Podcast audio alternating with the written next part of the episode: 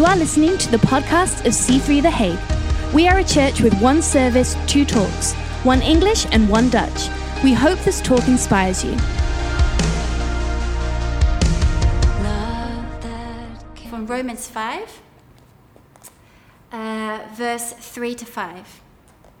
We can rejoice too when we run into problems and trials, for we know that they help us develop endurance. And endurance develops through strength of character, and character strengthens our confident hope of salvation. And this hope will not lead to disappointment. I love that. It's a hope that doesn't disappoint. For we know how dearly God loves us because He's given us the Holy Spirit to fill our hearts with His love. This is like the perfect verse for today because it combines hope with the Holy Spirit. So let's pray together. Father God, I thank you that you are the God of hope. You are the source of all hope, and you want to build hope into us so that it becomes natural, so that we're filled with hope, that we live out of hope. And I pray that today, as we look at your word and as we learn what you have to say, that your hope would fill our hearts, that discouragement would leave, the voices of discouragement would be silenced, and that we would uh, be able to accept your hope and grow strong in hope. In Jesus' name, amen. So I want to start with a story which uh, happened to me a couple of years ago, I think now. And uh, it all started on a very simple Saturday, normal Saturday. I got up and had breakfast with the kids and spoke to Lucas, oh, what should we do today? And normally, uh, after a while, we get the kids together and we go out to a playground or something. So, uh, if you had told me that I would finish that day uh, on the street outside my house, lying flat on the footpath with a rubber glove on my hand and barbecue tongs, uh, holding onto the barbecue tongs with my arm in the drain of the street. I probably wouldn't have believed you, or I maybe would have laughed out loud, but probably would have decided just to be safe to stay inside all day. But anyway, I'm just being honest right now. That happened to me. Yes, I did it, and I will tell you why and how. First of all, uh, as I was going outside to the car, I had the car key in my hand and my son on my arm, on my hip, and I opened the car door and then I lifted him up to put him into the car seat. And as I did that, that car key just slipped out of my hand. And no, it didn't just land in the car and it didn't land on the footpath. It just so happened that we had parked the car over the drain in the street and the car key just went plop straight into the drain. Now, I wished desperately that I could just rewind time for 10 seconds when that car key was safely in my hand. But then, uh, when I realized that wasn't possible, I ran into the house going, Lucas, I just dropped the car key down the drain. And the problem is these days is that car keys have become so horribly expensive. You know, my first car key was just, well, it just looked like my house key, and you could get a copy made if you wanted to. But keys these days, they are crazy smart little things. Our key, you can open the car from a distance, of course, like most keys these days. But I can also set off the alarm or flash the lights or open the boot. And uh, when I get into the car, the car will ride as long as it's in my pocket. I don't have to put it in anywhere. And we've got one of those really smart ones, which means as soon as I open the car, the car goes, oh, it's Nicola's key. And my seat even moves like straight into position for me, which is really nice.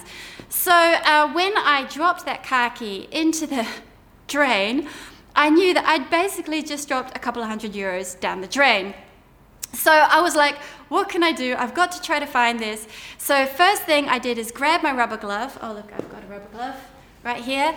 Put on my rubber glove, went outside, tried to uh, lift off the grate in front of the drain. It didn't work. Then Lucas came along and said, look, let me do it. And Lucas is very muscled, as you know, he's a very strong, buff man. And he like if anyone could get it off, it would be him. But that thing was not moving; it was locked, I believe. So uh, there was nothing for it but to sort of put my arm through the bars, and I only got it up to about here. Lucas's arm didn't even fit, so he couldn't help me, unfortunately. I know he would have loved to lie down on the footpath in front of all our neighbours. He would have done it for me any day, but that wasn't an option, so I had to do it. So I put my arm through the grate, and all I could feel was water and lots of it. Now, I don't know if you know what is actually in the drain. Maybe you've done this before, probably you haven't, but those drains, they are big. Like the water was really deep, so now I um, please don't laugh, but I ran inside and I got a big soup uh, soup spoon. and I was like, I'll just scoop it out of the water. And so I was like fishing around, and it was really deep. It was like I could probably reach my arm with the soup spoon to about that deep.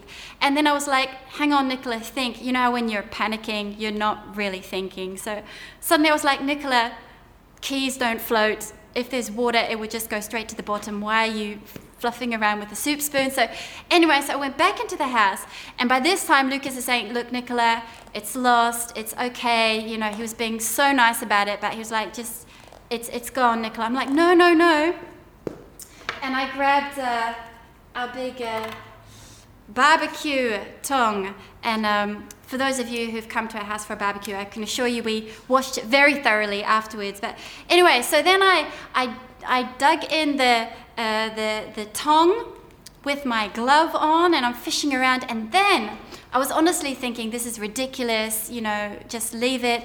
But then I felt the bottom of the grate. I'm like, hey, if there's a bottom, that means, you know, I don't know what I was thinking. I was probably thinking this is like deep pit under the street or something. But I'm like, if there's a bottom, then that's where my uh, car key will be. But of course, it's like dark in the water. How am I going to pick up a car key like this? So then I had a moment of what I like to call Kiwi ingenuity in New Zealand. We're always bragging about our Kiwi ingenuity. And I got, I actually, a few uh, months before, I'd bought these um, little magnets with a, a little, they call them an eye don't ask me why, long story, but I bought them online and I had them in the house. So I tied my magnet onto the tongue. I'm not going to do that right now, but you can see it's very strong. Huh?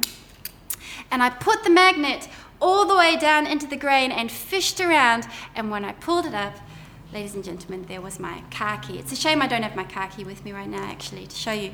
But uh, you'll never believe it. Just uh, a few uh, a few hours in some rice in a slightly warmed oven, and my car key was as good as new. I saved myself a few hundred euros, and uh, and a rather unhappy husband, I think, as well.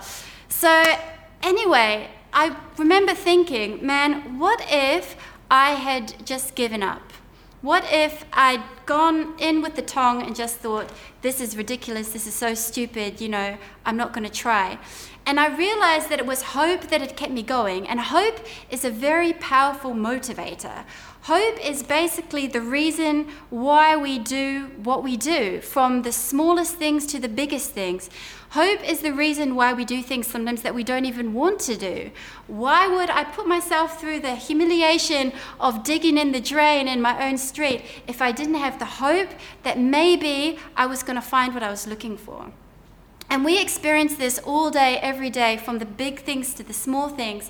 That uh, hope is the reason why we do what we do. It's why we put in effort, why we keep trying. As long as we have hope, we keep getting out of bed, we keep working. But as soon as hope starts to go, then we fall into despair. There's no reason for us to do anything anymore.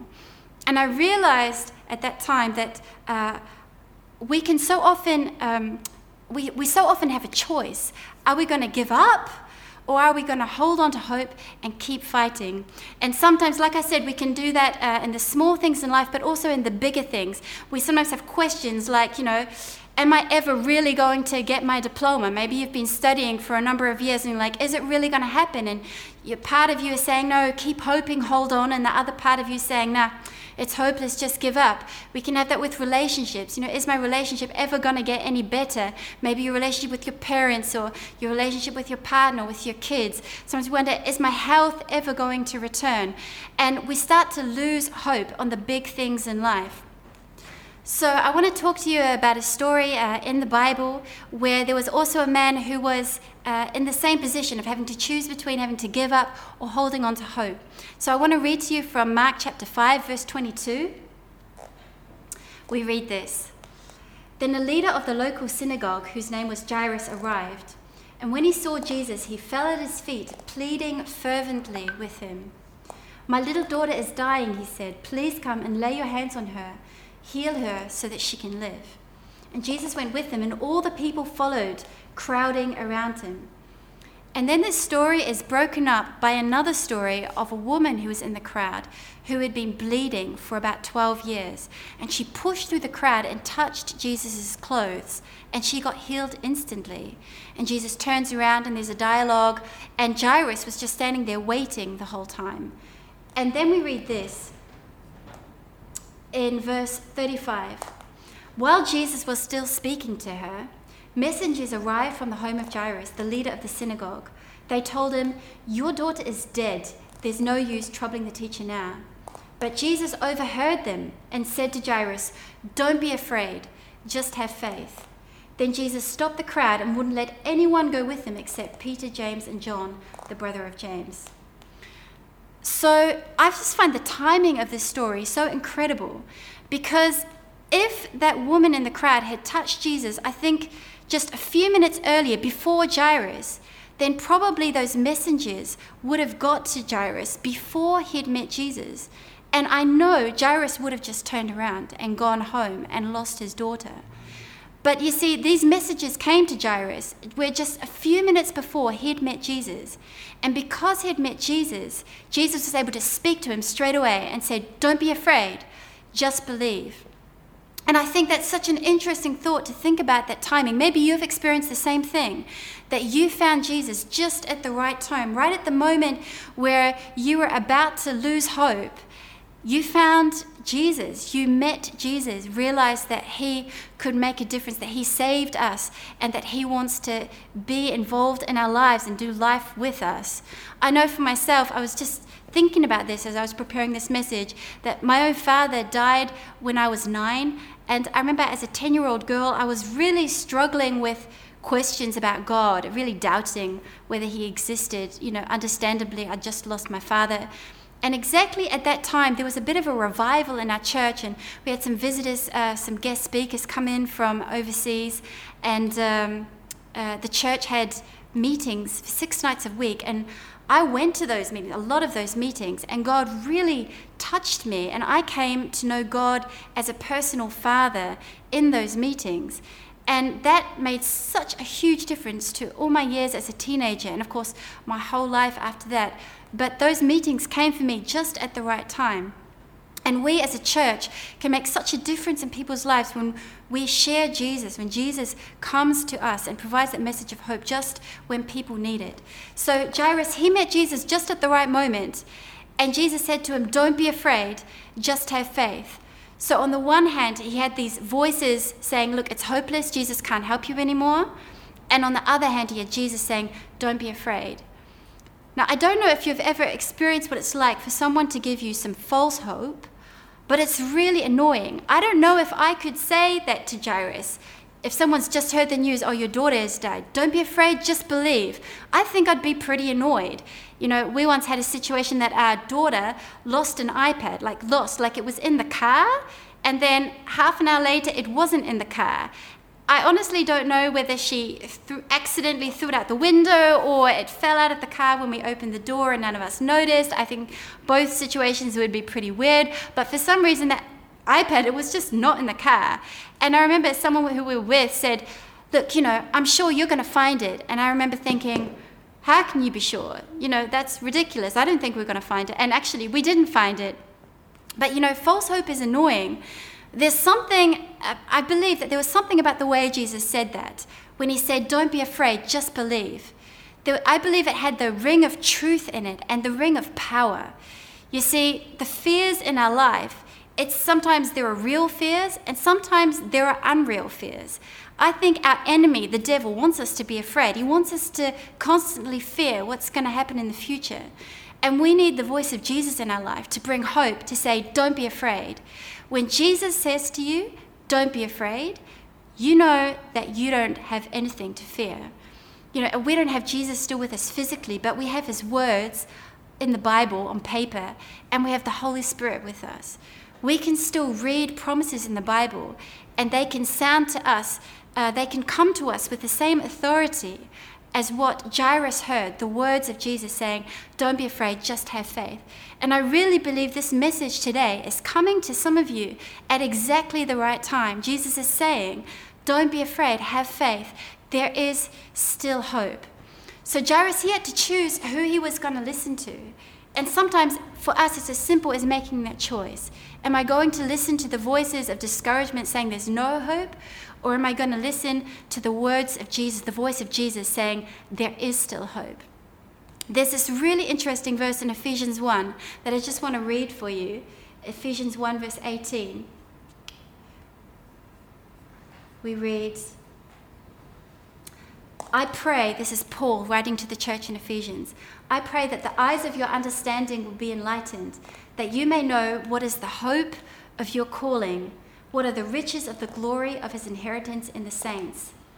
I think that's so interesting. He says, I pray that you will know the hope. You know, we often say, oh, God wants to bring a message of faith, hope, and love. And we sort of focus on the faith and we focus on the love. But do we really know what our hope is? That's why this series is so great. You know, Pastor Lucas is preaching about uh, we have the hope of eternity.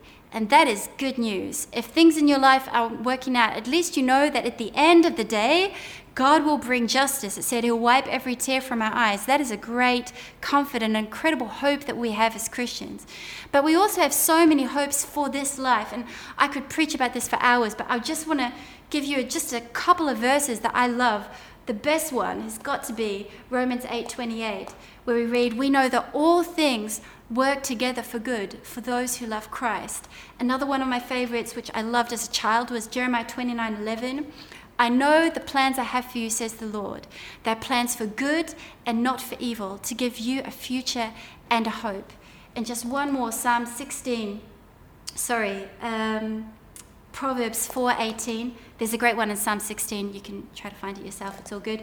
But Proverbs 4:18, the path of the just is like the shining sun that shines ever brighter to the perfect day. You know, as believers, as Christians, our life, our path will shine brighter and brighter. Our future is secure. Our future is looking good. It doesn't matter what is happening in the world, we can know that God is going to look after us. We can know that our future is looking good. We can know that there's nothing to fear. That even if the bad things happen, Jesus can still work it all together somehow for good. You know, Jesus is. Uh, promises and the promises we read in the Bible is not a false hope, it's a true hope. It's a hope you can stand on, it's a hope, hope you can build on. And Jesus doesn't say that we will never have problems, but He's here to do miracles in our problems and is here to walk with us through our problems. So, just to finish with, let's finish the story and I have one more thing to say. If we get to verse 38, uh, going back here. Um, sorry, verse, uh, yes, verse 38. When they came to the home of the synagogue leader, Jesus saw much commotion and weeping and wailing. He went inside and asked, Why all this commotion and weeping? The child isn't dead, she's only asleep. And the crowd laughed at him. Even Jesus had the crowd laugh at him sometimes. But he made them all leave and he took the girl's father and mother and his three disciples into the room where the girl was lying. Holding her hand, he said, Talitha koum, which means, Little girl, get up. And the girl, who was 12 years old, immediately stood up and walked around. They were overwhelmed and totally amazed. Jesus gave them strict orders not to tell anyone what had happened, which I think would be a pretty difficult task when you've got a whole lot of mourners outside the house thinking the girl is dead. And then he told them to give her something to eat. You know, what I really notice about this story is that Jesus had to kick out all the mourners before he was able to do the miracle. And often we're in the same situation. Jesus wants to break through for you, He wants to bring that miracle that you're praying for.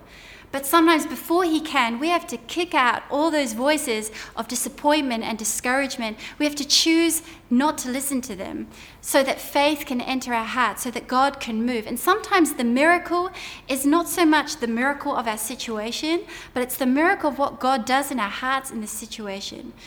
You know, that very first verse that I started this message with, Romans 5, says that, um, let me read it to you says, uh, We rejoice when we run into problems and trials because that help us develop endurance. endurance, strength of character, character produces hope. And I often wondered, where is that link to hope? And I believe it's because in order to endure, like I said at the start, we can only endure with hope.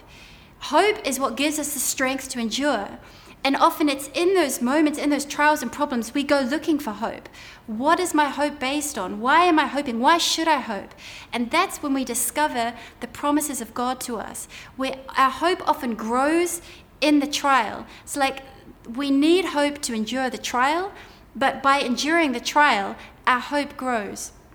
So, Jesus here, in order to bring hope to the situation, in order to uh, bring the miracle, he needed to silence all those voices of discouragement and doubt and disappointment, uh, yeah, to bring hope. And I don't know if you've ever broken up a party uh, or had to tell a whole bunch of mourners to leave. I have not done that before, but I can tell you as a teacher that I have a lot of experience in getting a classroom full of excited, hyper 13 year olds quiet. And I can tell you one thing it doesn't happen by being polite. You can't say, uh, just quiet please, quiet please, uh, shh, shh, would you, would you mind leaving? Actually, I once saw a video of me during my internship. Uh, if you want to become a teacher, you get filmed in the classroom.